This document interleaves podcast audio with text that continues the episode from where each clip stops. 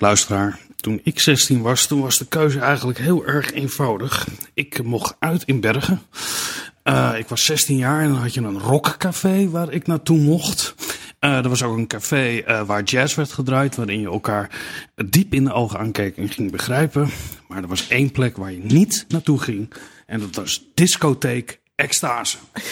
Discotheek extase, daar kwamen mensen waarmee je niet in aanraking wilde komen. En zelfs vanuit het perspectief van Alkmaar waren dat mensen die uit de provincie kwamen en daar dingen deden. Namelijk die gingen naar een discotheek. En dat, dat kon je niet doen.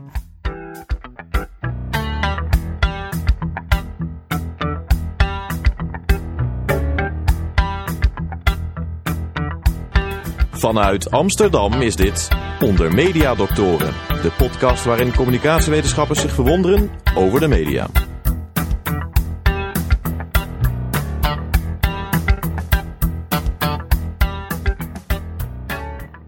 Luisteraar, vandaag gaan we het hebben over disco. Het meest ondergewaardeerde muziekgenre dat tegelijkertijd veel invloed heeft gehad op latere genres en op de plaatsen waar we samenkomen voor muziek. We gaan het doen met uh, dokter Jaap Kooijman. Uh, nou, je bent al eerder bij ons geweest, uh, Jaap. Mm -hmm. En je bent universitair hoofddocent bij Mediastudies. En eigenlijk ben je de expert op het gebied van disco. Klopt dat? Nou, er zijn er nog wel meer hoor. Ja? In Nederland? Vast wel.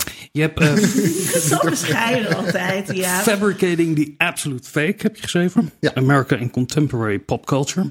Gaat het daar ook over disco? Moet ik even nadenken, wat is al een tijdje geleden. Maar volgens mij is er heel indirect gaat het over disco. Gaat niet expliciet over disco. En was je vroeger een disco-jongen? Ik was, ben nog steeds een disco. nog steeds een disco. ja, nee. Um... Ja, kijk eens, u, luisteraars, u mist nu echt iets. Want Jaap heeft ook een t-shirt aan met Re-Disco Very. Wat je ook anders kunt lezen als Rediscovery. Ja, wij hadden... Dat met met uh, Diana Ross. Uh, onder andere. Het is een flyer van... Het is alweer lang geleden hoor. We hadden, denk dit is een flyer uit 2007. Maar we hebben zo tien jaar geleden, voor een paar jaar, hadden wij een uh, DJ-collectief. En dat heette Rediscovery, maar dus Rediscovery. En um, hadden we één avond in de maand in Café Sappho op de Thuiselstraat. Bestaat helaas niet meer. En uh, daar draaiden wij disco. We hadden wel um, één regel. Geen ABBA, geen I Will Survive en geen Village People. Maar in Waarom niet? Ja, dat was... Die vonden we te plat gedraaid.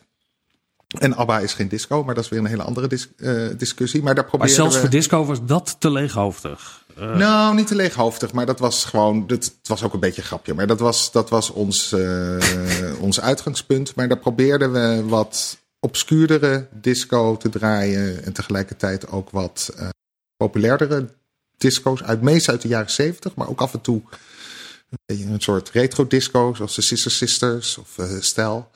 Maar uh, ja, de ene avond, de ene maand was het een groot succes. En de andere maand stonden we daar voor vijf man-vrouw te draaien. En dus wie dat. we? Um, oh, dan moet ik alle namen. Uh, Robert. Nee, je hoeft niet alle Rob, namen. Ingo, Ingo, Robert en Rob. Het staat ja, op je t-shirt. En later, nou, meer, we waren met z'n vieren oorspronkelijk en later met z'n zessen.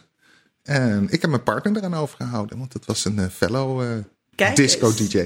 Nee, dus ik heb altijd wel, ik draai nog steeds uh, disco. U hoorde haar al, zoals altijd aan mijn zijde, mijn vaste media-mededokter en fervent discobezoeker. Dokter Linda, was jij zo'n disco-meisje waar ik altijd voor gewaarschuwd werd? nou, wat jij zei over de cafés in Bergen. In, in Zeist had je, had je dat natuurlijk ook heel duidelijk uh, uh, gesegregeerd. Voor, eentje voor de kakkers, eentje voor de alto's, eentje voor de nerds. En daarnaast had je dan Bar Dancing L'Etoile. Ja, ben ik ook. Dat, dat is ook een uitstekende naam voor een bar dancing. Um, en ja, dat komt toch wel het dichtst bij, denk ik, het idee van een disco. Maar je hebt natuurlijk disco's zoals het Disco uh, Studio 54 of zo. Wat ook heel anders is dan eigenlijk dan de clubs die ik nu bezoek. Want clubs in Amsterdam zijn uh, dankzij techno volledig uitgekleed. Dat zijn zwarte ruimtes waar je geluk hebt dat er een soort ijzeren betonblok staat waar je af en toe op kan zitten. Um, terwijl Bar Dancing L'Etoile uh, had van die spiegelwanden. Weet je, ja. Discobal. Discobal, dat soort, Ja, ik dat ook soort nog de, dingen. de, de, de- en, en een vloer met, met lichtjes erin. Dat was toch vooral, dat maakte het heel erg disco. Van Billie Jean vloer bedoel Ja. jij, die dan oplicht. Nou ja, het is Ja, een Saturday Night Fever vloer. Hè? Dus daar, eh, ja, want daar heb je... Saturday Night Fever is dat een soort prop. Het lijkt me heel goed om te beginnen om te gaan luisteren naar Job de Wit. Ehm, die gaat ons meer vertellen over disco. Job,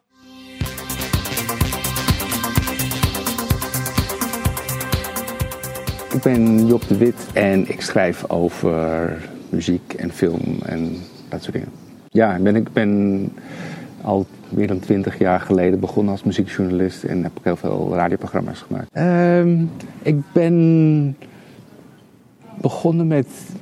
Ik, heb, ja, ik ben een tijdje DJ geweest en heb ik ook veel disco gedraaid. En ik heb er een aantal boeken over gelezen. Ik ben natuurlijk liefhebber van dansmuziek in het algemeen. En op een gegeven moment ga je dan wat meer verdiepen en eh, in gaan graven. Dus ik, ben, ik heb me eigenlijk wel heel erg ontwikkeld tot eh, grote fan. Ja. ja, hoe disco is ontstaan is wel een mooi verhaal. eh, omdat eigenlijk eerst de plek er was. En later pas eigenlijk het genre erbij gekomen is. In plaats van dat je eerst een muziekgenre hebt wat ergens een plek vindt. Het is muziek voor discotheken. En in, die, in de jaren zeventig gingen mensen dansen in clubs en DJ's gingen. Het is eigenlijk meer een soort van. De, de DJ's gingen een combinatie maken tussen verschillende stijlen en dingen aan elkaar mixen. En daar gingen later pas in tweede instantie muzikanten op inspelen om juist muziek te maken die die DJ's goed konden draaien. Dus ik vind, heel, ik vind het heel leuk aan de ontstaansgeschiedenis van disco dat het eigenlijk voortgekomen is meer uit de, uit de DJ's dan uit de muzikanten. Ja, dat, dat is ook een beetje vergelijkbaar eigenlijk ook met, eh, met hip-hop, wat ik ook een heel leuk genre vind. Eh, dat er verschillende dingen bij elkaar komen en dat het dan uiteindelijk een soort van vorm krijgt die alsnog, en zeker in het geval van disco, allerlei verschillende uitvormingen uit- verschijningsvormen krijgt. Want je hebt hele symfonische disco met strijkers en grote, grote bands. En je hebt ook juist hele eh, minimale elektronische disco later ge- gekomen. Of, eh, en het is, dit is een heel breed genre eigenlijk. Nou, wat, wat disco bijzonder maakt is natuurlijk dat het eh, in de eerste instantie... Later werd het een heel breed mainstream gebeurtenis natuurlijk. Maar in eerste instantie was het een, een genre wat leeft in de, in de clubs, in de discotheken. Niet zozeer op de radio, eh, niet op de live podia. En dan heb je het over plekken waar eh, subculturen komen. Eh, en dat is eigenlijk alles wat niet mainstream was. Dus zwarte mensen, homoseksuele mensen, vrouwen. Alles wat er niet blanke man was eigenlijk, was, dat is disco. Nou, di- disco was in instantie muziek voor, voor outcast. En, en, emancipatie van die groepen is al heel belangrijk in disco ook geweest. En dan zie je dat het zo 1974, 75 dat er een paar hele grote hits worden gescoord in, eh, in Amerika. Zoals, als Rock the Boat is dan ik de eerste nummer 1 hit eh, eh, van de Youth Corporation. Casey and the Sunshine Band. Hele grote hits, de Tramps.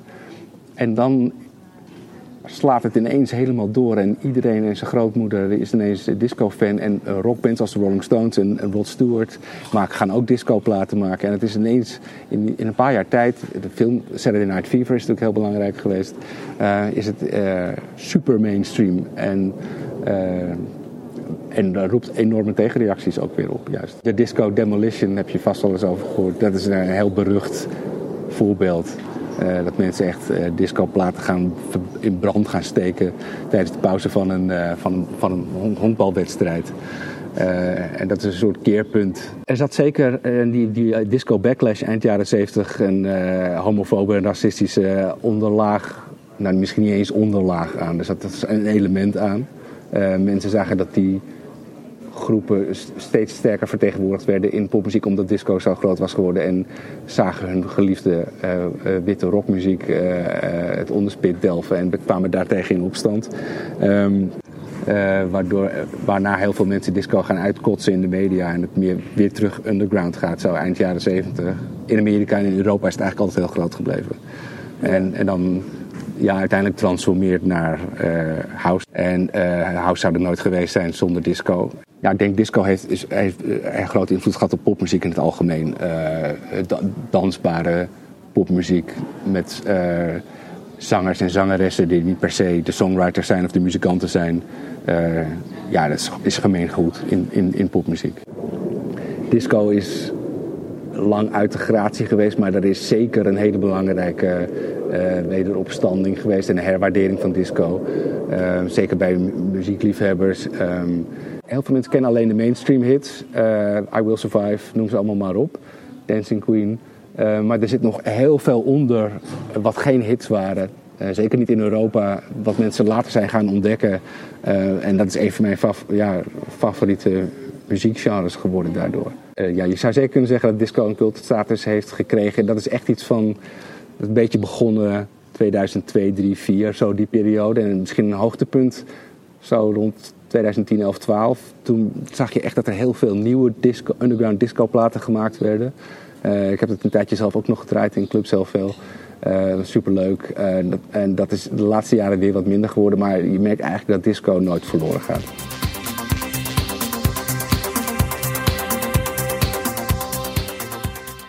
Jaap, wat was er eigenlijk voordat er discotheken waren? Uh, nou, er waren nightclubs. Ja. Dus uh, uh, soort nachtclub waar, waar groepen optraden. Zoals ik, mijn kennis is meestal over Motown. Maar zoals Motown-artiesten als Marvin Gaye en de Supremes, die traden op in de Copacabana in New York.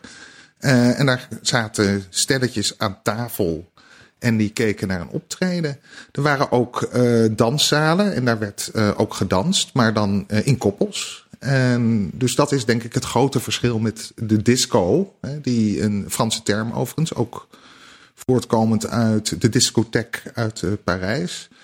maar in New York, waar we vaak de disco zeggen dat ontstaan is, eh, bijvoorbeeld in de loft. En de loft was een, van een particulier. En die had gewoon zijn zolder, stelde die open en daar konden mensen dansen. Er werd geen alcohol geschonken overigens.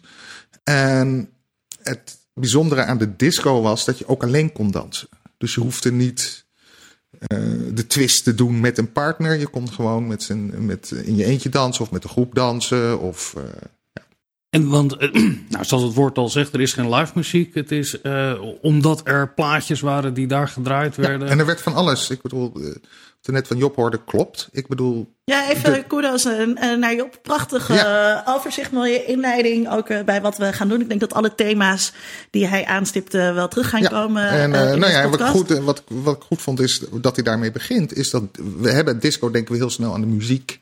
Maar disco is een muziek dat voort, voortkomt uit de plaats. als je naar maar het is zowel een genre als een plaats, denk ik. Maar hoe, hoe kunnen we dan, hoe, hoe, hoe, moeten we begrijpen dat daar ergens, dus begin jaren zeventig, de behoefte was om een plek te hebben waarin je niet meer samen met iemand gaat dansen of geen live, uh, het lokale nou, er zijn, er, combo hebt dat optreedt? Er zijn verschillende, kijk, het heeft te maken met de seksuele revolutie. Uh, het heeft ook te maken met de counterculture, maar het is eigenlijk een reactie tegen de counter, niet tegen de counterculture, maar mensen die eigenlijk niet pasten binnen die rock en de hippie. Worden het al uh, homoseksuele mannen in, in steden zoals New York, maar ook Latino-jongeren en zwarte jongeren die heel vaak in die clubs, de bestaande clubs, geweigerd werden. Vrouwen? vrouwen, hoewel ik um, daar een prachtig boek overigens over deze geschiedenis is een boek van uh, Tim Lawrence, Love Will Save the Day. Die heeft een oral history. Ze heeft met al die oude DJ's. Er is een discussie over hoe toegankelijk het was voor vrouwen en hoe, hoe, uh, hoe welkom vrouwen waren in die clubs. Omdat ik zou zeggen dat juist zeg maar, dat verbreken van de twee-eenheid waarin je mhm. moet dansen, zeg maar hoe mijn ouders elkaar ontmoet hebben op dansles en dat je dus altijd met een partner moet. En dat, dat doorbreken is bevrijdend uh, voor vrouwen. Want dan hoef je niet meer te zitten wachten tot een man je eindelijk komt vragen om te dansen. Maar kan je zelf uh, gaan en kan je met vriendinnen gaan. En dat vind ik sowieso Maar ik denk dat dat, dat... zeker, want dat dat. Nogmaals, ik weet het niet goed genoeg. Ik was er ook niet bij. Um, maar je ziet vooral in Alice Eccles is een andere, een andere studie. En die zet zich eigenlijk een beetje af van de geschiedenis. Disco al, komt voort uit de uh, homo-subcultuur en de zwarte Latin-subcultuur. En die richt zich juist veel meer op wit-Amerika buiten de steden. En die zegt juist dan met name voor witte vrouwen in uh, nou, suburbs, maar ook Ja. in, nou ja, In de bar Dancing Leetwal. zeg maar, ja. Maar dat is eigenlijk later. Dat is dus als, het, eh, als die mainstreaming al plaats heeft gevonden. Zoals Job zei, dat is eigenlijk vanaf 77. Terwijl de Loft en later de Par- eh, Paradise Garden, dat waren clubs eh, van, ja, vanaf begin jaren 70 tot mid jaren 70.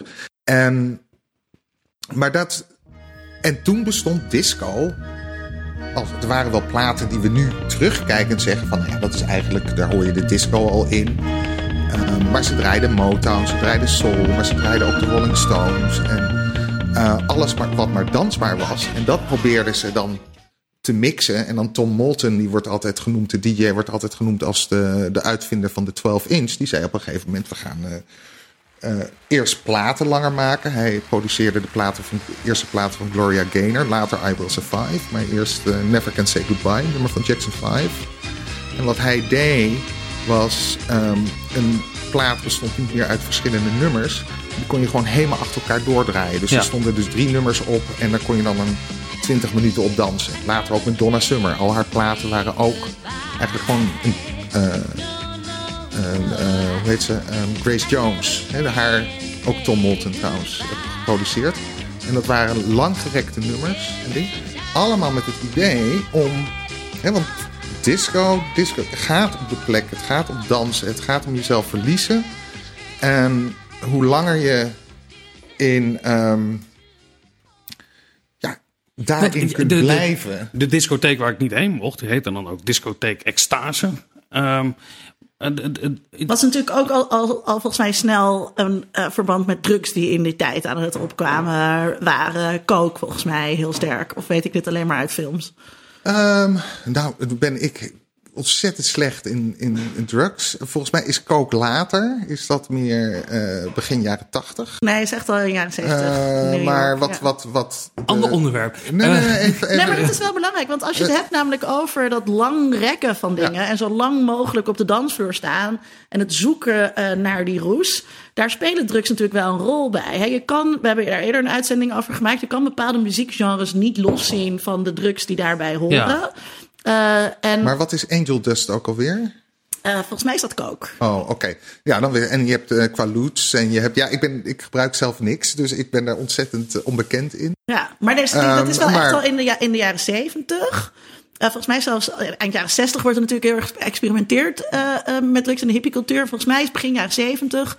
Denk aan Scarface en dat soort dingen. Die opkomst van die cocaïne, waardoor je dus ook die roes op een bepaalde manier beleeft op de dansvloer. En ook het fijne is dat die nummers uitgerekt zijn. Ja, want als je bedenkt wat, wat, wat, wat omschreven wordt, hè, wat jij ook aangeeft, als je de, de nachtclub hebt waar je aan een tafeltje zit en waar iemand optreedt, dat is, je houdt elkaar in controle ook, je ziet elkaar. Terwijl, waarin zit dan precies die bevrijding om in je eentje te kunnen dansen of met een groep te dansen en niet meer zo één op Nou, één?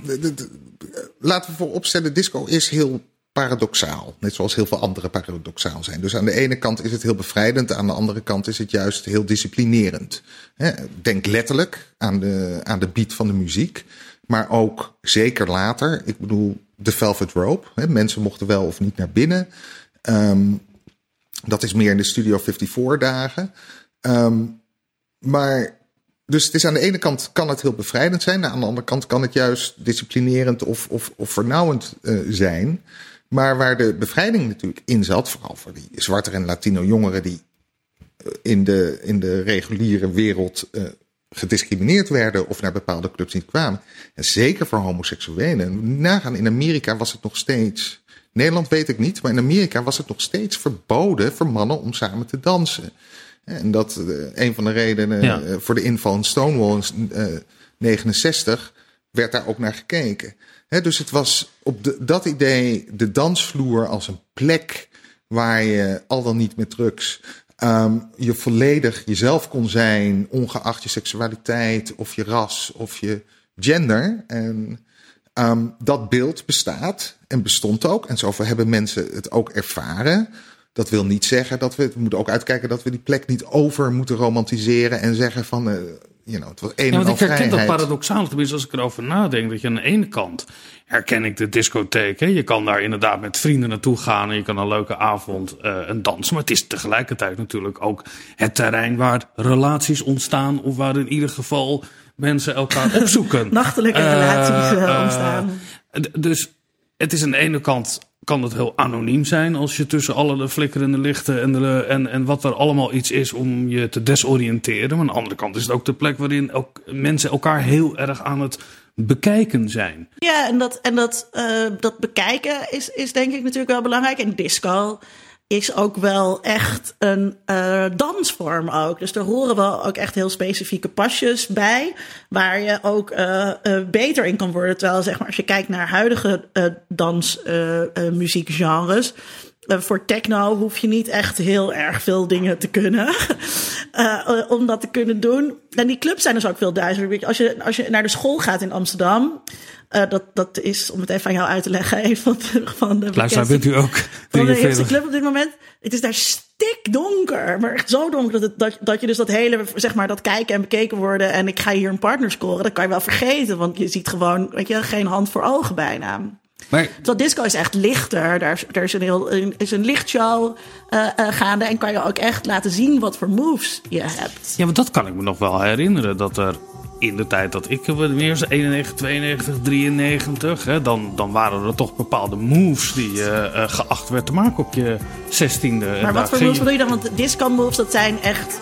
Weet je, uit Saturday Night Fever, je hebt heel bekende Ja, maar het, het, het was- pasjes die je kunt zetten. Ja, maar Terwijl dat 91 is toch echt wel een heel stuk later. Dus toen deden jullie die pasjes toch niet meer? Doe eens voor, Vincent. Nou ja. Doe de hassel, zou ik willen zeggen. Maar, eh, nee, maar wel dat er gekeken werd hoe mensen. Ik heb het idee dat er nu helemaal niet meer een, een soort. Of is er nog wel een. een, een, een, een hoe noem je dat ook? Is er een manier van dansen die nu geacht wordt? Als ik naar die festivals. Nou, dat is ook niet echt disco. Maar sowieso in, in, in, bij het Nou, je dansen. had, je had een tijdje de Rabbit, maar dat is dan ook weer eh, twee jaar geleden. Ik weet niet meer hoe dat gaat. Maar het, het gaat allemaal een beetje verder weer. Maar ik denk dat je wel echt een onderscheid moet maken, wat Job daarnet ook zei in, in het interview. Eh, en eh, niet om te zeggen, underground disco is geweldig en dan had je die vreselijke commercialisering. Maar disco werd heel, met name in Amerika, maar eigenlijk over over de hele wereld. Ik bedoel, er is dat geweldige nummer van eh, Grupo Sportivo, die inmiddels weer bij elkaar zijn uit 79. Hun grootste hit, ironisch genoeg. Weer een paradox. Welke?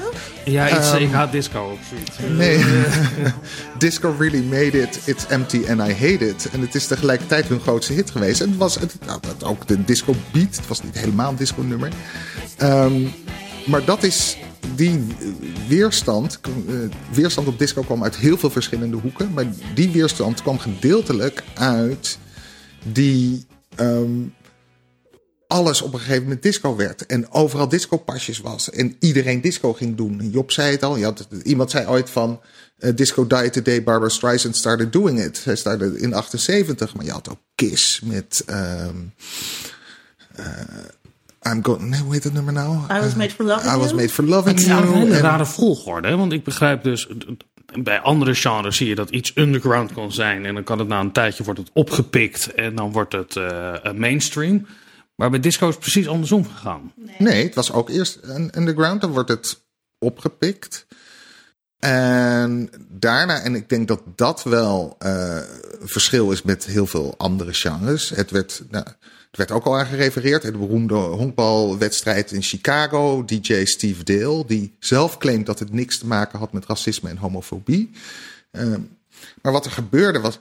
Disco was geen radiomuziek. Disco was voor de clubs en gemaakt voor de clubs. Radio is in Amerika nog steeds, eh, nog steeds, maar was zeker toen het belangrijkste medium voor popmuziek. En toen ging disco naar de radio.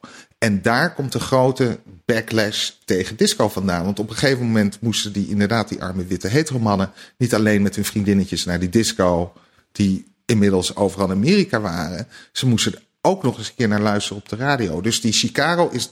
eh, eh, Steve Dale was zelf een radio-DJ en die heeft toen een oproep gedaan.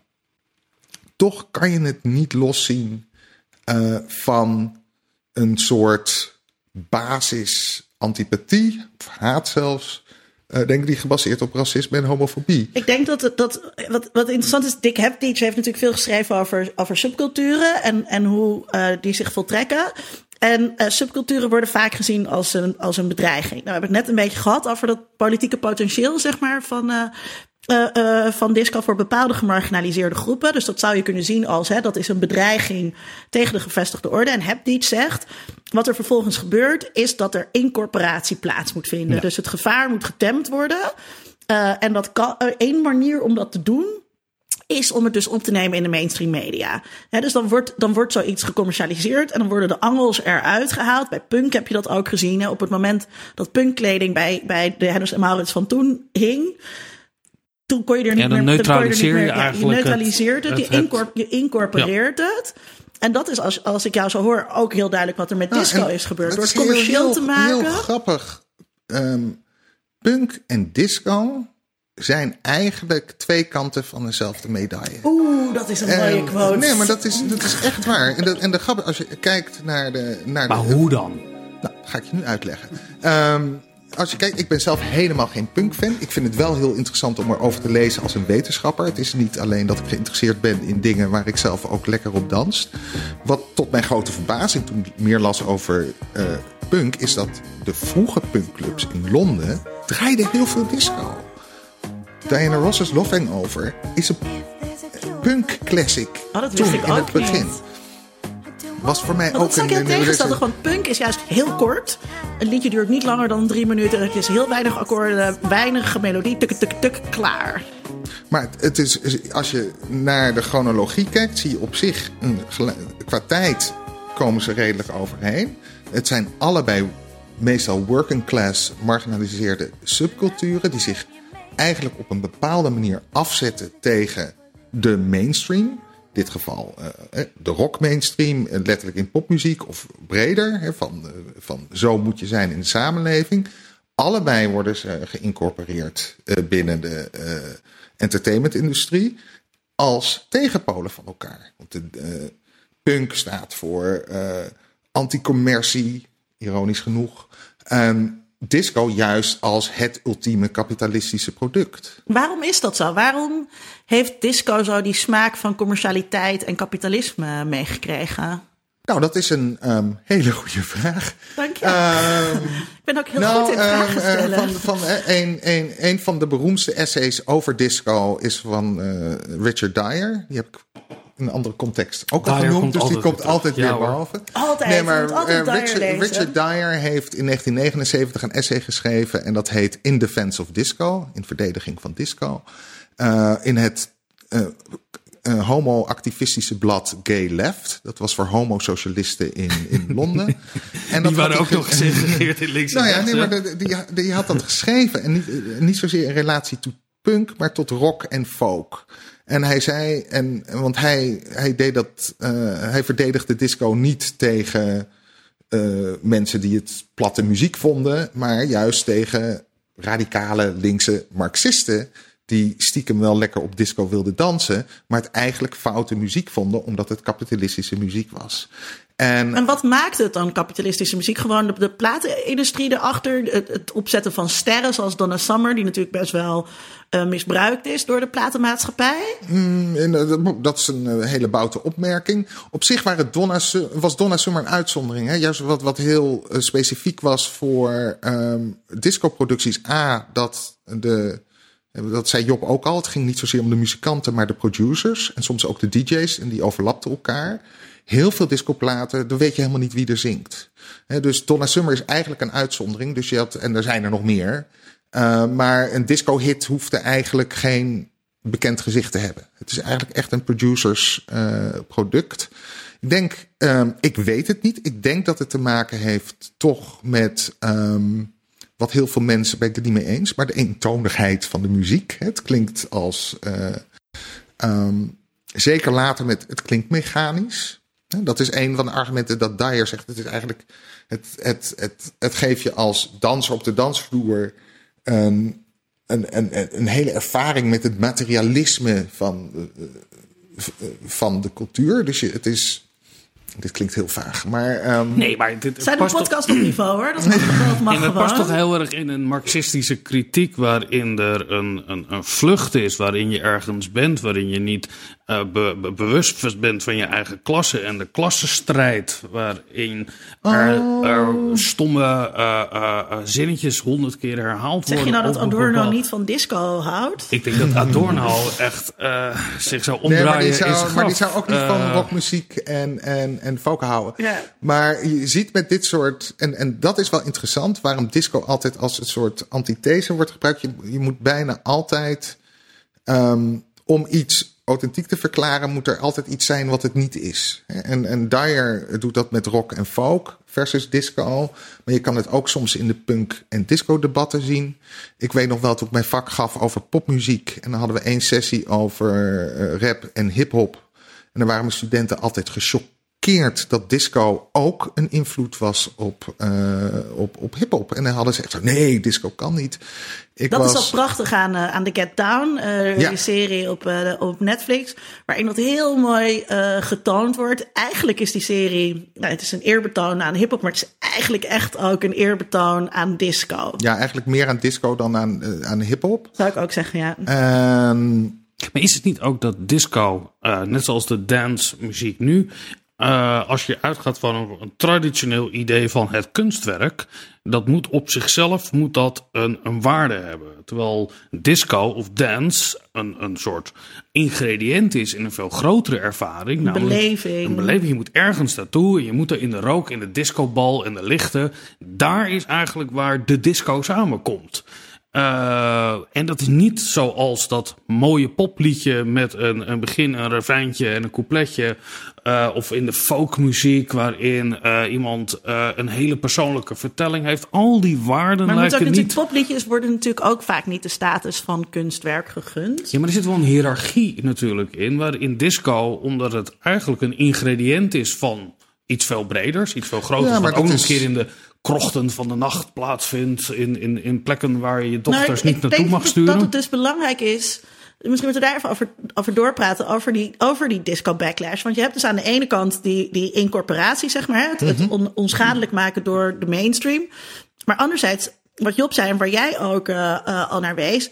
Er, er, er zat wel degelijk een seksistische, homofobe, racistische ondertoon in die backlash tegen disco. Dus het zwart maken van disco, letterlijk. Ja. Het soort, het soort, dat zegt wel meer dan alleen maar. ehm, eh, er, er zaten elementen in het genre die esthetisch of eh, dat, die niet helemaal pasten. Eh, er, er speelde meer.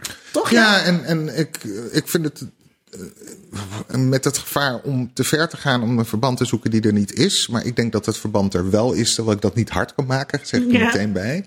Maar het is natuurlijk niet.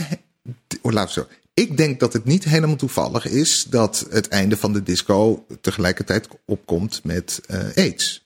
Hè, En AIDS, wat letterlijk eh, het einde was voor in ieder geval. eh, niet het einde was, maar in ieder geval een behoorlijke. ehm, hoe noem je dat? Ehm, Behoorlijke tegenvallen was het. Ja. ja, ik, ik weet het niet de juiste woord. Eh, eh, Het was niet het einde van die, van die eh, stedelijke homoculturen die heel erg afhankelijk waren van de discocultuur. Ehm, en wat, eh, wat je ook ziet, eh, dat heel veel van die nummers ehm, in, eh, met eh, terugwerkende kracht opeens een hele andere betekenis kregen. I will survive. I Will Survive, Don't Leave Me This Way. Uh, Paul Jabara's, die, de, Paul Jabara is de, uh, de man achter onder andere Les Dance van Donna Summer. Last En, Dance. Ja. uh, uh, no More Tears, Enough is Enough, heeft hij ook geschreven. Don't It's Leave Me Raining. Way. Don't Leave Me This Way. Diana Ross met If? There's a Cure for This, I Don't Want It. Uh, too Many Men, Too Little Time. Maar zijn deze nummers geschreven binnen een community waarin dit een rol speelde, maar niet uit, eh, niet, niet Too Many Men, Too? Little Time wel. Dat is, eh, dat is begin jaren tachtig. Dus eh, of dat dat al dan niet bewust is. Andere nummers natuurlijk niet. Hè? Dus die, maar wat, wat je heel veel ziet... In Want het klinkt veel, als een soort bijbelse voorbode. Hè? Je ziet in het Oude Testament ook wel alles gebeuren wat in het Nieuwe Testament uitkomt. nou, dat gaat, dat geslachte gaat, gaat lammeren. weer Is, een, is, eh, het- dat gaat weer een beetje te ver. bijbel-exegese, maar, Maar, dan de ehm, disco-exegese? Kijk, wat je, wat je ziet in heel veel disco-nummers. Het is altijd moeilijk om te generaliseren. Maar in heel veel disco-nummers.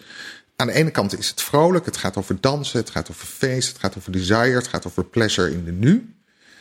Heel vaak een melancholische Ja. ondertoon in. Ja. En juist die melancholische ondertoon kreeg opeens een hele expliciete betekenis voor sommige mensen. Ja. Eh, met de komst van AIDS. Paul Burston, dat is een, eh, een schrijver, journalist uit, uit Engeland. Die, ehm, die noemt het het verschil tussen revivalism en survivalism. En revivalism was, eh, hij schreef dat in de jaren negentig, want er, om de zoveel tijd komt er een soort disco revival. En dan Ja. weet je, krijgen we Kylie Minogue met een nummer of Madonna.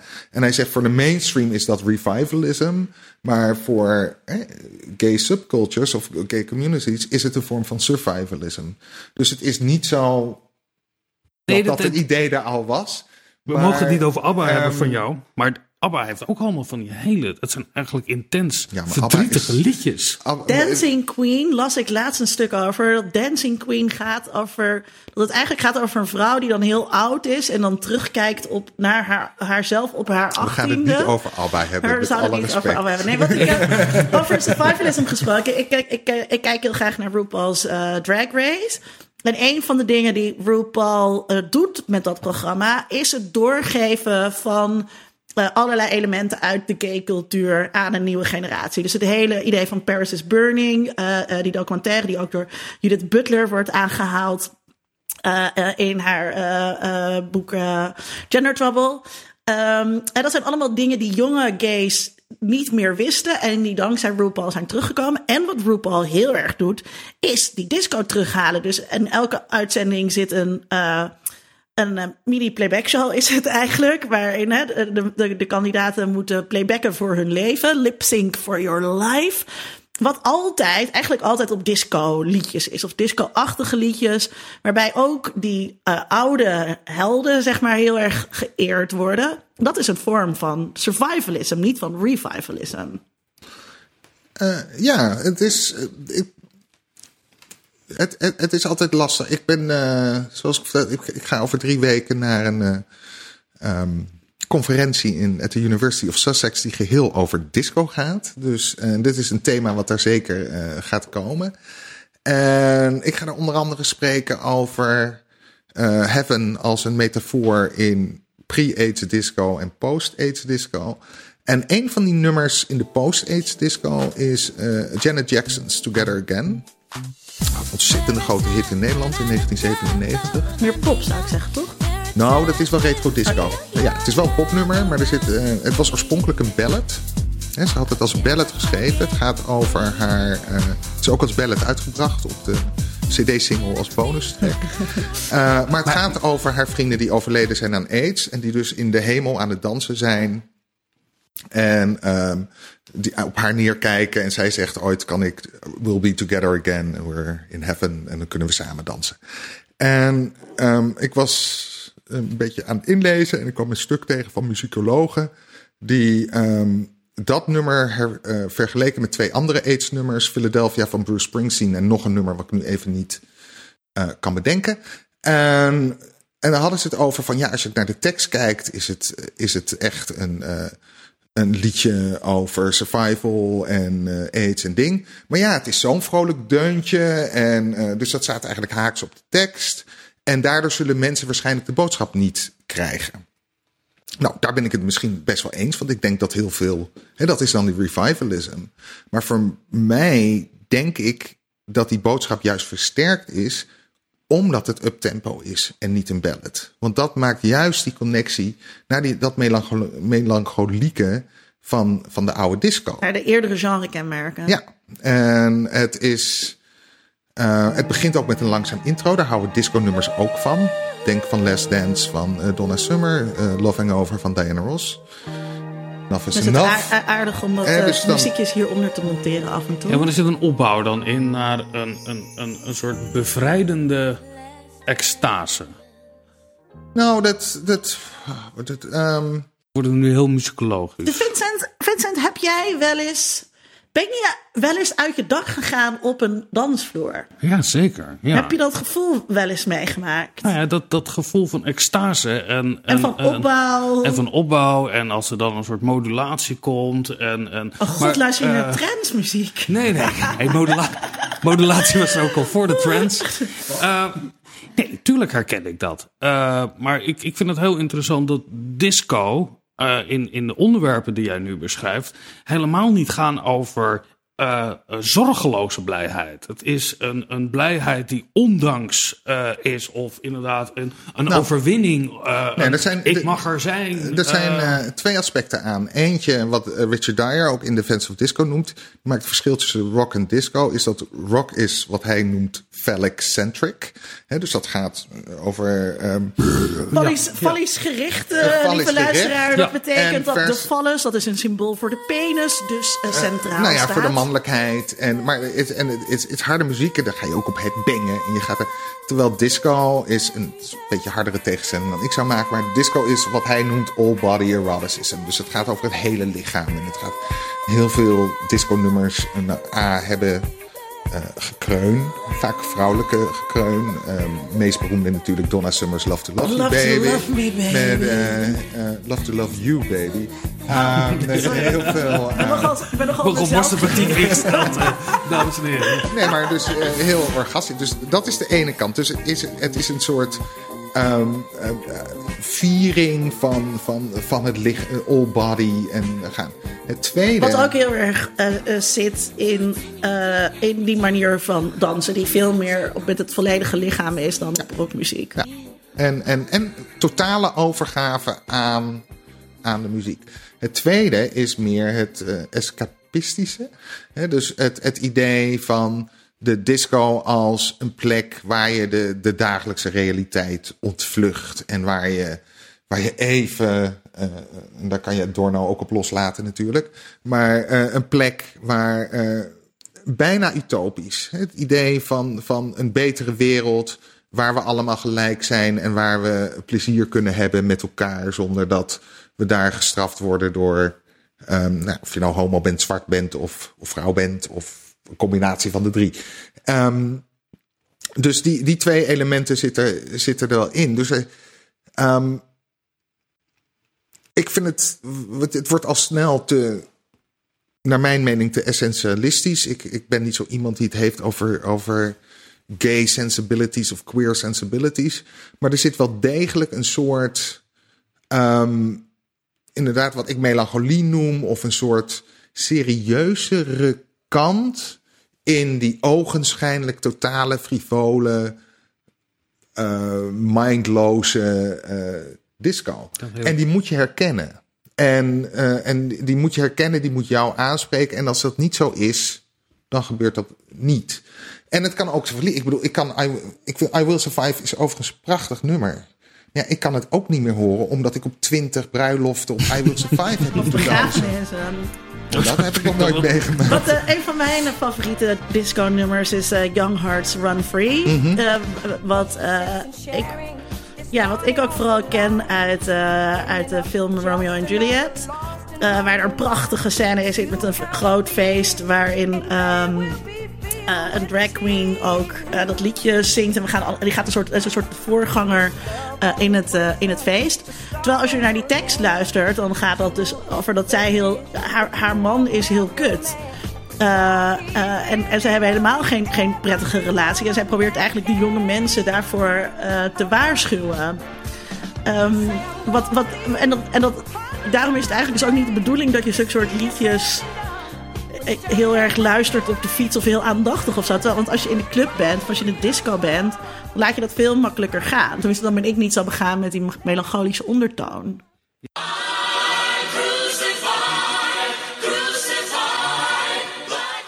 Het moet een discotheek Palermo zijn geweest in de metropoolbergen, Noord-Holland, dat ik de vreemde arbitraire grens tussen naast en op de dansvloer staan heb leren kennen. Naast de dansvloer was eenvoudig. Je houdt je drankje vast en kijkt rustig om je heen. Niet te lang naar één plek en maakt met je hoofd licht knikkende bewegingen op het ritme van de muziek. In een uitbundige bui kan je je vrije hand nog in de lucht steken. de eerste tel maak je dan een bestraffende beweging met je wijsvinger, alsof een onwelwillend orkest wacht op de maataanduiding. Deze, toch enigszins beperkte motoriek volstaat bij de rand van de dansvloer. Op de dansvloer is een totaal anders. Daar moet je performen, iets kunnen, bepaalde bewegingen, zelfs speciale pasjes. Toen, in discotheek Palermo, in Bergen, Noord-Holland, was het vooral het in de lucht kruisen van de benen. Landen, weer opspringen en de benen weer ontkruisen. Deze routine werd afgesloten met een draai om de lengteas. Dit kon eventueel worden afgewisseld met een soort hardloopbeweging, maar dan op de plaats waarbij de knieën onnodig hoog werden opgetrokken. Het was, naar ik me toen heb laten vertellen, vooral geïnspireerd op de choreografie van de bijbehorende video bij het liedje. Maar niemand had mij verteld dat ik dat thuis had moeten oefenen. De mate van dansvaardigheid was evenredig aan de hoeveelheid ruimte die ervoor werd ingenomen. Zelfs zo dat er rond het beste dansers een kring werd gevormd als blijk van waardering. Bij nummers als van MC Hammer, Can't Touch This of Ice Ice Baby van Vanilla Ice waren er ook groepschoreografieën. Hierbij was de kring soms zelfs zo groot dat de hele dansvloer, in adoratie, geschonken werd aan de jongens en meisjes die thuis de moeite hadden genomen om de volledige videoclip uit het hoofd te leren en daar na te dansen. In Bergen, in Noord-Holland, in discotheek Palermo. Ik was 15 en ik wist, rond mij zal zich nooit een kring vormen. Ondanks de lichte nevel van de bessenjenever, de desoriënterende werking van de rookmachine, blacklight en laserprojecties, was het kraakhelder dat ik tot de nuchtere conclusie moest komen dat ik in discotheek Palermo, in Bergen, Noord-Holland, een volstrekt wisbare indruk heb achtergelaten.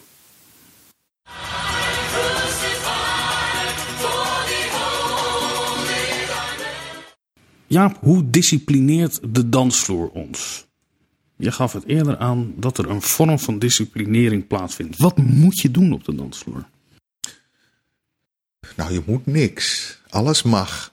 Um, ik heb namelijk het totaal tegenovergesteld. Ik vind het juist heel makkelijk om over een dansvloer. Ik vind het juist veel makkelijker dan als je gewoon ergens doorheen moet. Want als je danst, kan je er juist zo soepel doorheen. Ik zit ja te knikken. Ik ben het, ik ben het met Jaap eens. ja, um, uh, ja maar, nee, dat doe ik ook. Maar, maar de, voelt wel de verplichting dat je. Oh een, ja, nee. Dat, dat...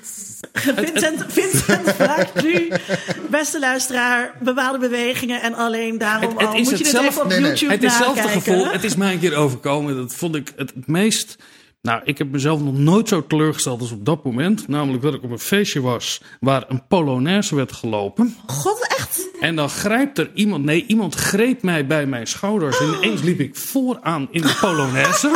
Had ik niet opgevraagd. En uit een diep, nou eigenlijk vanuit mijn ruggengraat kwam de noodzaak op om met beide handen omhoog te gaan.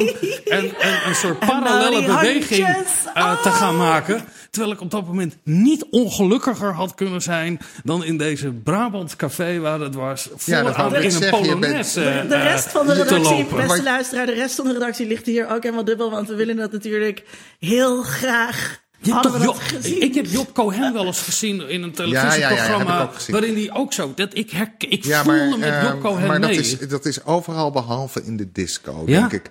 Maar, uh, maar, het, maar het, zegt, het zegt iets over jouw ongemakkelijkheid in de disco. Want uh, kijk, ik, ik, mijn, mijn familie deed dat dan vroeger ook. Als er dan iemand, weet je, 25 jaar getrouwd was. Toen ik nog heel klein was en we daarheen gingen, gingen zij ook Polonaise lopen. En vervolgens ben ik natuurlijk heel hard weggerend uit dat milieu en heb ik nooit meer omgekeken. Uh, terwijl met disco of in een club voel ik, me, voel ik me heel erg op mijn gemak. En wat Jaap zegt, juist... Je kan dus juist heel makkelijk door te blijven bewegen, je door, je door die massa heen uh, uh, voeren. Op een veel makkelijkere manier dan in een, in een rechte lijn. Waarschijnlijk ook veel sneller dan in een rechte lijn. En ik hou er ook van dat er allemaal warme lichamen zijn waar, waar je mee in aanraking komt. En jij kijkt me nu ook aan dat, dat jij vindt warme lichamen waarschijnlijk ook heel vreselijk. Nou, dus het is ook gewoon niet jouw zien. Nee, maar even, even, even, terug te komen. Die disciplinering waar ik het straks over had, is een andere vorm van disciplinering. Dat is, uh, dat is een prachtig stuk in begin jaren negentig van Walter Hughes. Um, uh, dat heet uh, The Discipline of the Beat of zoiets. En dat gaat inderdaad over hoe uh, disco als een muzieksoort, hè, juist die dominante beat, dat die disciplinerend werkt. Nee, dus dat, en, en, en dat was een van die paradoxen. Dus het ging niet helemaal over sociale controle van anderen doe je de juiste dansen. Het is veel meer dat die muziek jou dwingt in een, in, in een bepaald ritme. Ook dwingt tot, tot bewegen. Ja, slave, slave to the rhythm. Hè, om met Grace Jones te spreken. Hè, dus dat, dat, Dat gewoon een citaat van Adorno is, die het ook letterlijk zegt. Hè? Maar wat, en wat een hele, liever Grace Jones. maar wat een hele prettige eh, ervaring is voor, voor mensen die daarvan houden, is dat ik, ik kan niks heerlijker vinden dan wanneer ik op een dansvloer sta en er, en er is een hele hypnotiserende eh techno beat. En ik bedenk bij mezelf, wow, ik ben echt een slave to the rhythm of zo. Weet je, dat je dat, dat je dat gevoel ook hebt en dat het heerlijk is om je daar ook aan over te leveren. Ja, nee, dat herken ik wel. En ik heb dat wel eens meegemaakt. En volgens mij werkt heel veel religieuze beleving ook zo. Als je daarin meegaat. Of je hebt eh, Gregoriaans gezang. Weet je wel. Dat- God is a DJ. Maar als je... Ik heb denk ik iets te vaak gehad dat ik denk... Waar ben ik nou precies nu mee bezig? Waar sta ik nu naar te kijken? Allemaal mensen die in een donkere ruimte allemaal een, een, een, een, virtuele droge paringdans met elkaar aan het uitvoeren zijn. Het is natuurlijk een, een vrij... Het is een vreemd ritueel wat we met elkaar uitvoeren. Maar het is, het is dus, dat heb ik ook, je hebt ook. Ik heb ook wel eens van die momenten dat ik dan heel erg in de onderzoekermodus ben. En dat, dat is gewoon heel ruk. Net als dat het heel stom is om televisie te kijken en de hele tijd met dat oog van een mediawetenschapper te zitten kijken. Vind ik het, kan ik het ook heel vervelend vinden als ik dat op festivals of op feestjes doe. Ja. Dat ik heel erg een soort etnografisch aan het kijken ben naar wat is de stand van zaken in clubcultuur op dit moment. En dan Nee, moet je even, als je een boek leest, als je een boek en leest, dan moet je even luister- uitsnappen. Ja, nee, maar luister, probeer u maar eens een boek open te slaan en bedenk eens dat het allemaal letters zijn waar je naar zit te kijken. Ja. Dat duurt vijf minuten voordat je weer verder kan met je boek te lezen. Eh, is, dat het, dat, dat, is dat wat het ook wegneemt als je wel daarin opgaat? Laat ik hem anders stellen. Is disco eigenlijk nog steeds emanciperend? Of, of Oh, je de- maakt nu een hele andere sprong. Ik Ehm, wou, ik, wou ook, ik wou eerst nog even. Nou ja, jij bent de presentator. Nee, jij mag, jij die, mag het die, gesprek die, die, die, nee, ik bedoel, kijk, ik kan me heel goed voorstellen als je vanuit een gemarginaliseerde groep eh, een plek kan hebben waarin jij eh, wel kan zijn, waarin je Misschien kan is dat wel de vraag, Vincent. Heeft het dan Ehm. niet ook ermee te maken dat jij je misschien als witte hetero man minder op je plek voelt in die disco?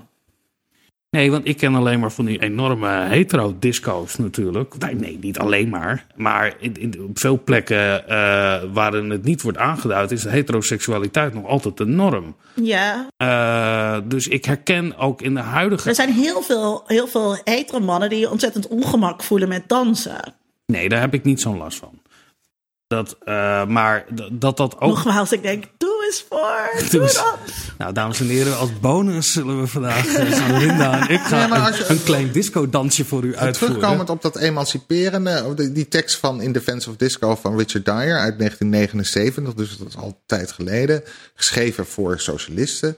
Hè, Zijn vraag was, kan niet zozeer emanciperend, maar kan, kan disco revolutionair zijn? Hè? Kan het, kan het eh, verandering geven in. in, in eh, en zijn punt was van. Nou, het feit dat het een kapitalist product is, waar de kritiek was, wil nog niet zeggen dat het inderdaad revolutionair kan zijn voor de mensen die het ervaren en die er gebruik van maken. Dat het niet niet revolutionair kan zijn, neem ik aan. Dat het kapitalistisch is, betekent, het niet, betekent niet dat het niet, Niet revolutionair revo- ja. En, en, dat, dat het, en, en hij zei, het, het zal, of revolutie, hij zegt, het, het, zal de revolutie niet brengen. Maar het wil nog niet zeggen dat het inderdaad, en hij gebruikt niet het woord emanciperend, maar dan komt het, hè, dat het een gevoel van eh, eh, zelfbevestiging kan zijn. I'm coming out, I will survive. Ehm, of een, een, een, een, een, een collectiviteit. Hè, dat, je, dat- dat je een soort saamhorigheid kan, kan ervaren met die mensen daar. Eh, of met je mededansers. Dus daar. ehm, en ik vind het wel. Er was een ander boek van. Ik ben haar voornaam vergeten. Achternaam Ines. Dat was een disco. Of een, sorry. Dat was een edited collection. En dat heette Disco Diva's. Dus ik dacht. Hey, interessant. Dat wil ik lezen. Eh, tot ik erachter kwam dat geen enkel essay over disco ging. Dus ik denk dat ze het juist gebruikt hebben omdat het een catchy title was. Met een uitzondering van één essay. En dat ging over eh, eh, songwriters zoals eh, ehm, Carly Simon en eh, Carole King. En die werden eigenlijk afgezet tegen Gloria Gaynor. En dan zei ze van. En, en volgens deze schrijfster, Judy Kutelas, was, ehm, waren die songwriters, die waren echt, want die kwamen op voor de vrouwen, terwijl ja, die arme discozangeressen als Gloria Gaynor, Ja, die waren de- eigenlijk waren maar een product van het kapitalisme. Dus ik vond het A, heel fout dat het boek zichzelf Disco Divas noemde, want het ging daar niet over. En B, ik vind het veel te ge- gemakkelijk. Want- Ja, nee, maar, eh, ja, sorry. Maar, want disco, disco was op een manier ook ex- exploiterend, noem je dat? Of maakte gebruik van zeker vrouwelijke zangeressen, ook van zwarte groepen. Op een gegeven moment konden zwarte groepen geen andere muziek meer maken dan disco. Want eh, zelfs Marvin Gaye, die eh, Got To Give It Up, wat later Blurred Lines eh, eh, connectie. Marvin Gaye haatte disco en hij moest die disco een prachtig nummer, maar het was eigenlijk bijna een parodie op disco. Dus het is helemaal niet zo dat disco alleen maar bevrijdend is. Het was aan de, aan, aan de productiekant.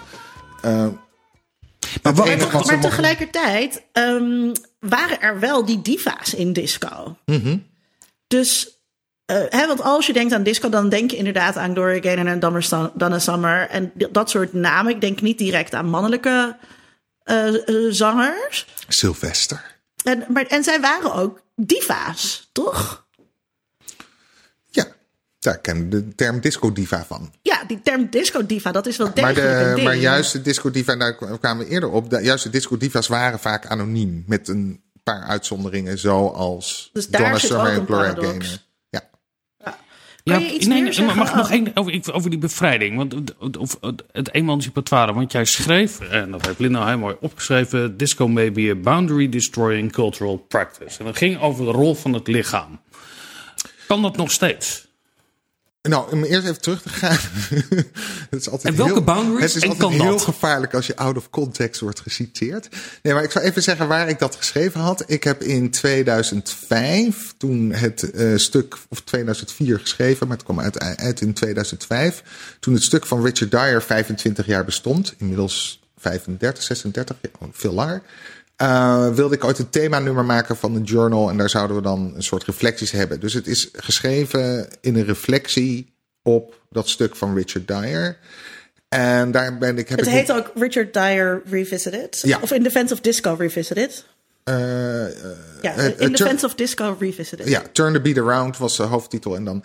En Er zitten allemaal hele clevere tussenkopjes in, luisteraar. Precies. Alleen daarom allemaal- al moet u even op het linkje in de show notes klikken. nou, zeker ook naar die conferentie waar jij naartoe gaat. Maar- Alleen al voor de titels van de paperpresentaties. Nee, maar wat, wat, wat ik daar geprobeerd heb, is naast zijn stuk ook te gaan kijken, te traceren hoe, eh, hoe dat werd bediscussieerd in, in andere stukken. Want er is wel wat verschenen over disco, maar eigenlijk niet zo heel veel. Inmiddels. Waarom? Ehm, Wat, wat is dat? Kijk, want we hebben nu we hebben het best wel gehad over, over een soort eh, maatschappelijk dédain voor disco. Er is ook een academisch eh dédain voor disco. Er, er is vanuit cultural studies eh, toch de discipline waarin Vincent en ik in ieder geval soort van getraind zijn, waar jij je ook soort van beweegt, is er een enorme voorkeur voor ehm, genres waar de, waar de rebellie wat evidenter is, Ja. laat ik het zo zeggen, dan binnen disco. Dus er is veel geschreven over rockmuziek. Er is veel Ja, geschreven ja, maar over, eh, over punk. Er is heel veel geschreven over Riot Girl, maar nauwelijks iets over de Spice Girls. Terwijl dus de culturele impact van Spice Girls natuurlijk veel groter is geweest dan ja, Riot dat is, ja, dat is hoe bij- komt het dat, dat dat, die cultural studies onderzoekers of die populaire cultuuronderzoekers toch ook een beetje een neus ophalen voor disco? Het is niet alleen het. de- ehm, er zijn meerdere dingen tegelijkertijd aan de gang. Eh, het eerste is wat Richard Dyer al aanhaalde, was eh, eh, het hele commerciële aspect ervan. Dus dat disco gezien wordt als heel erg commercieel en dat het voor die reden niet subver- subversief kan zijn. En cultural studies mensen houden van subversieve Exact. cultuur. Ja. Ehm, dus Wij dat zijn is, tegen. één. Het tweede is dat het een soort anti is bij, eh, bij meerdere studies. Dus, eh, dus als je. eh, disco komt wel voor in bijvoorbeeld in eh, academische studies over eh, zwarte muziek. Maar vaak dan als de antidoot naar soul, wat oorspronkelijk een heel commercieel genre was. eh, en, maar met name met funk. Hè, eh, Ricky Vincent is, is de wetenschapper die schrijft over uh, funk. Schrijft geweldige boeken over funk. Maar wat ik vervel of wat ik jammer vind aan zijn werk, is dat hij zich moet afzetten tegen disco. Uh, en um, ik was um, uh, vorige maand in Minneapolis in een, grote conferentie over Prince. Was daar kunnen we een hele andere uitzending over wijden. Dat was heel interessant. Maar wat mij opviel, werd het constant over Prince werd gezegd dat hij, hè, hij woonde in Minneapolis, een stad met meerdere muziekinvloeden. In, in en er werd de hele tijd gezegd van aan de ene kant funk en soul en aan de andere kant uh, rock en folk. Woord disco viel nooit. En op een gegeven moment uh, uh, meerdere momenten. Like, I Wanna Be Your Lover, toch best wel een disco-nummer. Nou, de eerste vier albums van Prince. Ja. For You, Prince, uh, Dirty Mind, Controversy. Controversy Later ook. ook ja. Trouwens de... ook, dat is ook nog wel interessant, even als side note. In de revival van disco, of de survival van disco die steeds is... Al die Prince-hitjes, die oude Prince-hitjes... waren op een gegeven moment zo hip in, in, uh, in de house, scene. Dus weer overal hoorde je uitgerekte mixen van controversy. Ja, ik nou eens Ja, en, uh, nou, en, en, en uh, Greg Tate was daar. En dat is een, een gerenommeerde hip-hop scholar, journalist slash scholar. En dus daar, ik stelde zo de vraag: waarom noemen we eigenlijk geen disco? En hij zegt: ja, eigenlijk moeten we disco gewoon noemen. Maar hij, hij zegt: er is een constante. En de Amerikanen zeggen dat veel mooier: de-intellectualizing en, uh, van disco. Ja. De-intellectualizing. En het disco. idee van, van uh, of het te commercieel is, of te zwart is, of te homo is. Of, er zijn honderden redenen waarom het is, maar het wordt constant gebruikt. Ja, maar, maar jij, jij hebt het steeds niet over vrouwen, maar ik wil vrouwen toch wel even terug, vrouwen ja. en meisjes terug in deze mix brengen. Want uh, dat heeft dan misschien niet met de, met de begintijd te maken, maar wel degelijk later in de fase werd. Kijk, alles wat wat vrouwen leuk vinden, wordt altijd gewoon onderaan de hiërarchie geplaatst. Nee, klopt, ja. En disco werd echt een soort meisjesgenre. Hè? Meisjes trokken hun hetero vriendjes uh, daarmee naartoe. Uh, Daar word ik voor aangekeken. Uh, um, en, um, en, en, dat gaf het dus, dus lagere, uh, lagere status. En dat dat, zie je nog steeds. Ook in de muziekjournalistiek zie je dat heel duidelijk. Op het moment dat je ergens heel moeilijk over kan doen. Hè, denk aan uh, Martijs van Nieuwkerk en Leo Blokhuis die ook altijd met een soort kanonisering uh, bezig zijn. Daarin wordt ook disco helemaal uitgehaald, omdat dat iets was wat meisjes uh, leuk vonden. En die kant, zeker van de wat latere disco-kant, denk ook aan de Dolly Dots en zo. Um, dat, dat, dat is wel belangrijk om te erkennen dat de lage ja. status van het genre ook heel erg die gendercomponent heeft. Ja, daar ben ik het wel mee eens. Nou, um, Jij, jij hebt het nu, we hadden het even over dat, over dat onderzoek, maar misschien is het aardig voor de luisteraar. Want ik kan me ook voorstellen dat we luisteraars hebben die kunnen zich niks voorstellen bij, bij dit soort onderzoek. Wat voor thema's komen er dan aan bod bij die disco-conferentie waar jij naartoe gaat? Oh, nou, dat, dat, dat, het is wel interessant om meteen te melden toen, dat, toen, toen, dat, uh, toen de call for papers kwam. En wij zitten allemaal op een soort e-maillijsten waar dan. Uh, ik zit daar onder de Jaspum-lijst. Dat is de discussielijst over popmuziek. Daar de kwam het, International Association for, for the Study, Study of, Popular, Popular Music. Music. Toen kwam er meteen commentaar dat kennelijk in de call for papers, dat is de aankondiging waar mensen aangemoedigd worden om, uh, om een voorstel in te dienen. Wat meteen zegt van ja, disco wordt altijd uh, in de hoek gedrukt van uh, zwart en homo. En, maar eigenlijk gaat het veel meer om. Oh ja, daar heb ik dit vandaan. Ja. Daar komt dit hele onderwerp ook voor deze uitzending vandaan. Omdat ik dat las in de Jasper Mailinglijst. En toen ja, dacht ik, oh, daar moeten we wat mee. Daar kom je nu achter. met, uh... Nou ja, en, toen, nou ja en, en, dat ik, en, en, en dat ik daar toen een iets wat pissige e-mail, uh, of, of geen pissig, maar... Dat was het inderdaad. Um, Um, maar dat kwam maar als je, als je nu kijkt naar. Um... Wat schreef jij dan in je pissige e-mail? Dat moet je ook even zeggen. Nou, nee, ik, wat was nou het probleem eerst? Nou, het, dat probleem was, het probleem was dat. dat uh, en het, het, het, het, is met name uh, wat Alice, Alice Eccles in haar boek Hot Stuff, The History of Disco, maar dan heel specifiek binnen de context van de Verenigde Staten van Amerika. Uh, wat ik eerder zei, zij zegt in haar boek van er wordt veel te veel nadruk gelegd op dat het homo en zwart en Latin is. Uiteindelijk de culturele relevantie van disco is dat inderdaad vrouwen zijn uh, niet uit de stad, maar uit, uh, niet uit het platteland, maar uit kleinere steden in de provincie. Bergen, Zeist. Zeist, die daar op dansten op, zaterdag, op zaterdagavond. En daar ben ik aan de ene kant, snap ik dat en dat, dat verklaar. Ik bedoel, daarom is um, disco ook mainstream relevant. Dus ik, vind het ook prima dat zij dat boek schrijft. Het probleem vind ik, als je daar dan vervolgens zegt van oké, um, maar die, die oorsprong die het heeft in, in zwarte homo, Latin subculturen zijn daardoor irrelevant, vind ik problematisch. Je moet het ook niet romantiseren. Je moet ook niet zeggen van uh, het is homo, je mag er niet aankomen. Het is zwart, het mag er niet aankomen. Maar die twee hebben met elkaar te maken. Nou, moet denk je... ik altijd kijken naar, en dat is misschien wel een probleem van cultural studies. Uh, um, je moet zien dat het een verzameling van alledaagse praktijken is, die voor verschillende mensen verschillende dingen betekent. En je kan dus niet zeggen: dit is de culturele betekenis uh, van disco. Nee, je kan zeggen: voor deze groep, op deze plek, in deze tijd, is dat wat, wat disco ongeveer betekende. En dat maakt het natuurlijk heel. Uh, vervelend, omdat je soms ook gewoon wat grotere uitspraken wil doen of wat wetmatigheden ergens in wil vinden. En dat is binnen binnen de studie van populaire cultuur denk ik altijd heel erg lastig. Nou ja, en het blijft zo, en, en dat verandert wel, maar het blijft zo dat de, in zowel de. En, en de, de grens tussen de journalistiek en de academische is in de studie van popmuziek dun. He, dus er is een groot overlap between, between, tussen wat er journalistiek gebeurt en wat er wetenschappelijk gebeurt. Maar blijft heel erg gericht op witte mannenmuziek. Um, zelfs als het gender van David Bowie. Ik bedoel, het gaat altijd over David Bowie. Het gaat altijd over uh, Bob Dylan. Het gaat altijd over. Um, de Beatles. maar dat vind ik dus echt van dat, van dat, dat is nee, nee, nee, maar, Matthijs van Nieuwkerk en Leo Blokhuis. Dat, dat constant te proberen te kanoniseren naar hun eigen smaak. Nou, het, het, het, het, het is. Luister, nou kijkt nu echt heel erg vies. Ja. Nee, maar het, het, het, het is wel grappig hoe dat werkt. Hoe, hoe de, de relevantie bij die groepen uh, um, vanzelfsprekend is.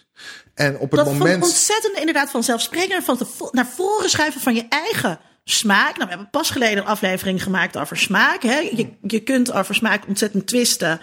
Uh, maar het is heel moeilijk om te zeggen dat rock een beter genre is dan, dan disco. En dat soort mensen doen dat wel de hele tijd.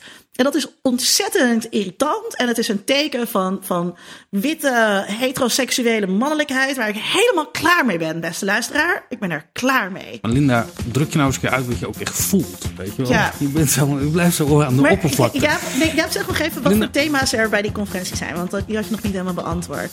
Um, er komt, en daar ben ik heel blij mee, een soort bijna een, een, een, een re Union van de Sylvester-conferentie die in 2004 het NYU was. En Joshua Kempson heeft een prachtige biografie geschreven over Sylvester. Die mensen voornamelijk kennen van You Make Me Feel Mighty Real, maar een veel grotere carrière had. Um, Disco roept wel bij al dit soort titels gelijk bij mij op dat ik dat heel hard wil gaan zingen. Ja. Uh, uh, maar, en Jason King, hij is professor in de Clive Davis Institute. Het NYU Clive Davis was de grote, is nog steeds, hij leeft nog, muziekproducer onder andere van Whitney Houston. Um, maar daar is een sessie over. Er is sessies over de historische kant. Tim Lawrence, die ik eerder noemde van uh, Love Will Save Today. Echt een oral history naar de geschiedenis van de opkomst van disco in de jaren 70. Geeft een keynote. Uh, er is nog, en daar ben nu even haar naam vergeten. Dat vindt de luisteraar ook minder interessant uh, dan het onderwerp hoor. Uh, ja, wat is de grote doorbraak geweest in de laatste tien jaar in de disco-studies? Nou, maar disco-studies bestaat niet. Ik denk dat... Uh... En doorbraken bestaan ook niet, Vincent. Dus dat is gewoon een hele flauwe uh, zijn natuurlijk luisteraars. Die Wat is de ja. doorbraak geweest in de laatste tien jaar in het documentaire onderzoek? Ja, niks, want er zijn nooit doorbraken. Nou, dat nee, maar ik, ik, gaan we maar ik, keer ik, over hebben. Ik, ik, ik geloof ook niet in die hele vernauwingen van disciplines. Maar ik, ik durf met mijn hart op mijn hand te zeggen. Ik zou eerder zeggen: hip-hop studies bestaat eerder dan, uh, dan, ja. dan disco studies.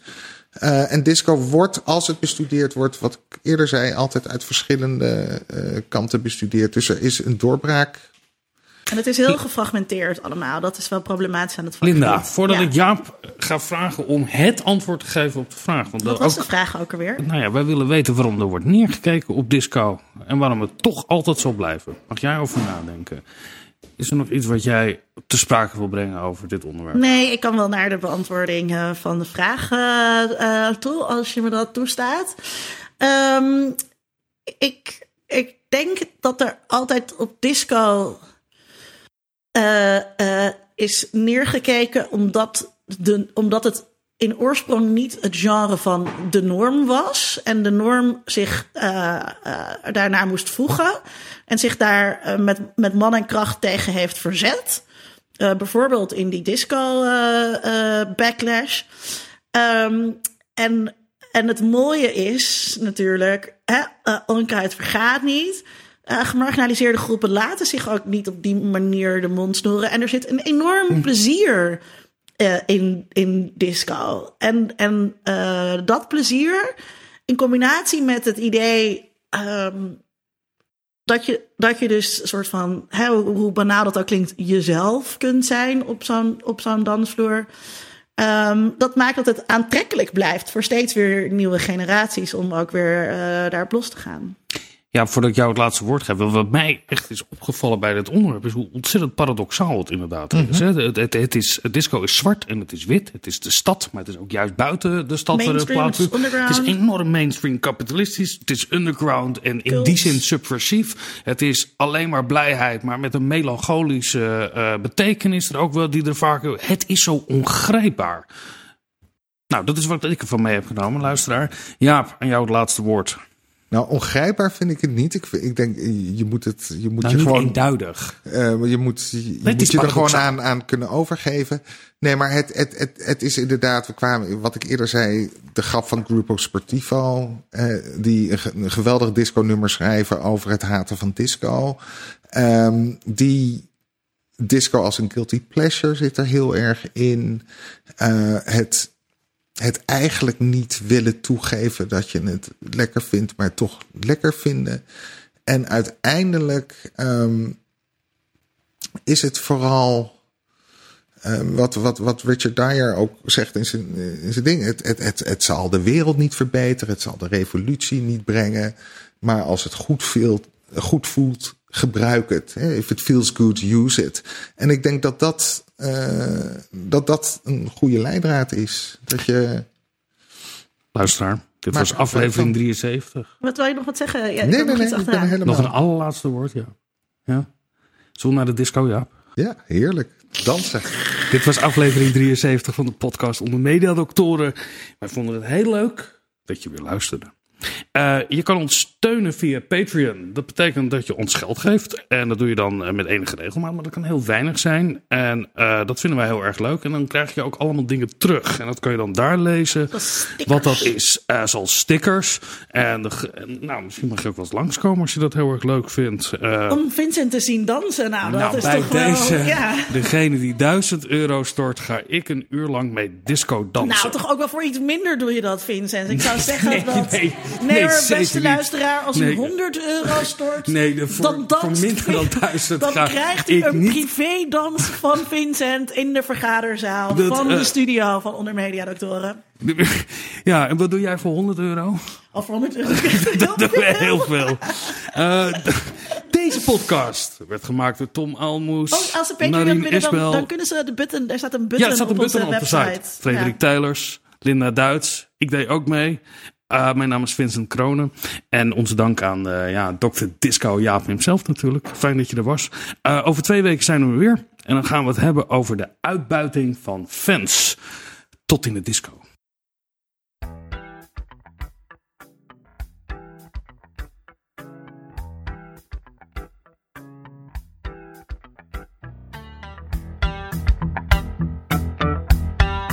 Onder Mediadoktoren is een podcast van Vincent Kronen en Linda Duits. Meer informatie vindt u op ondermediadoktoren.nl.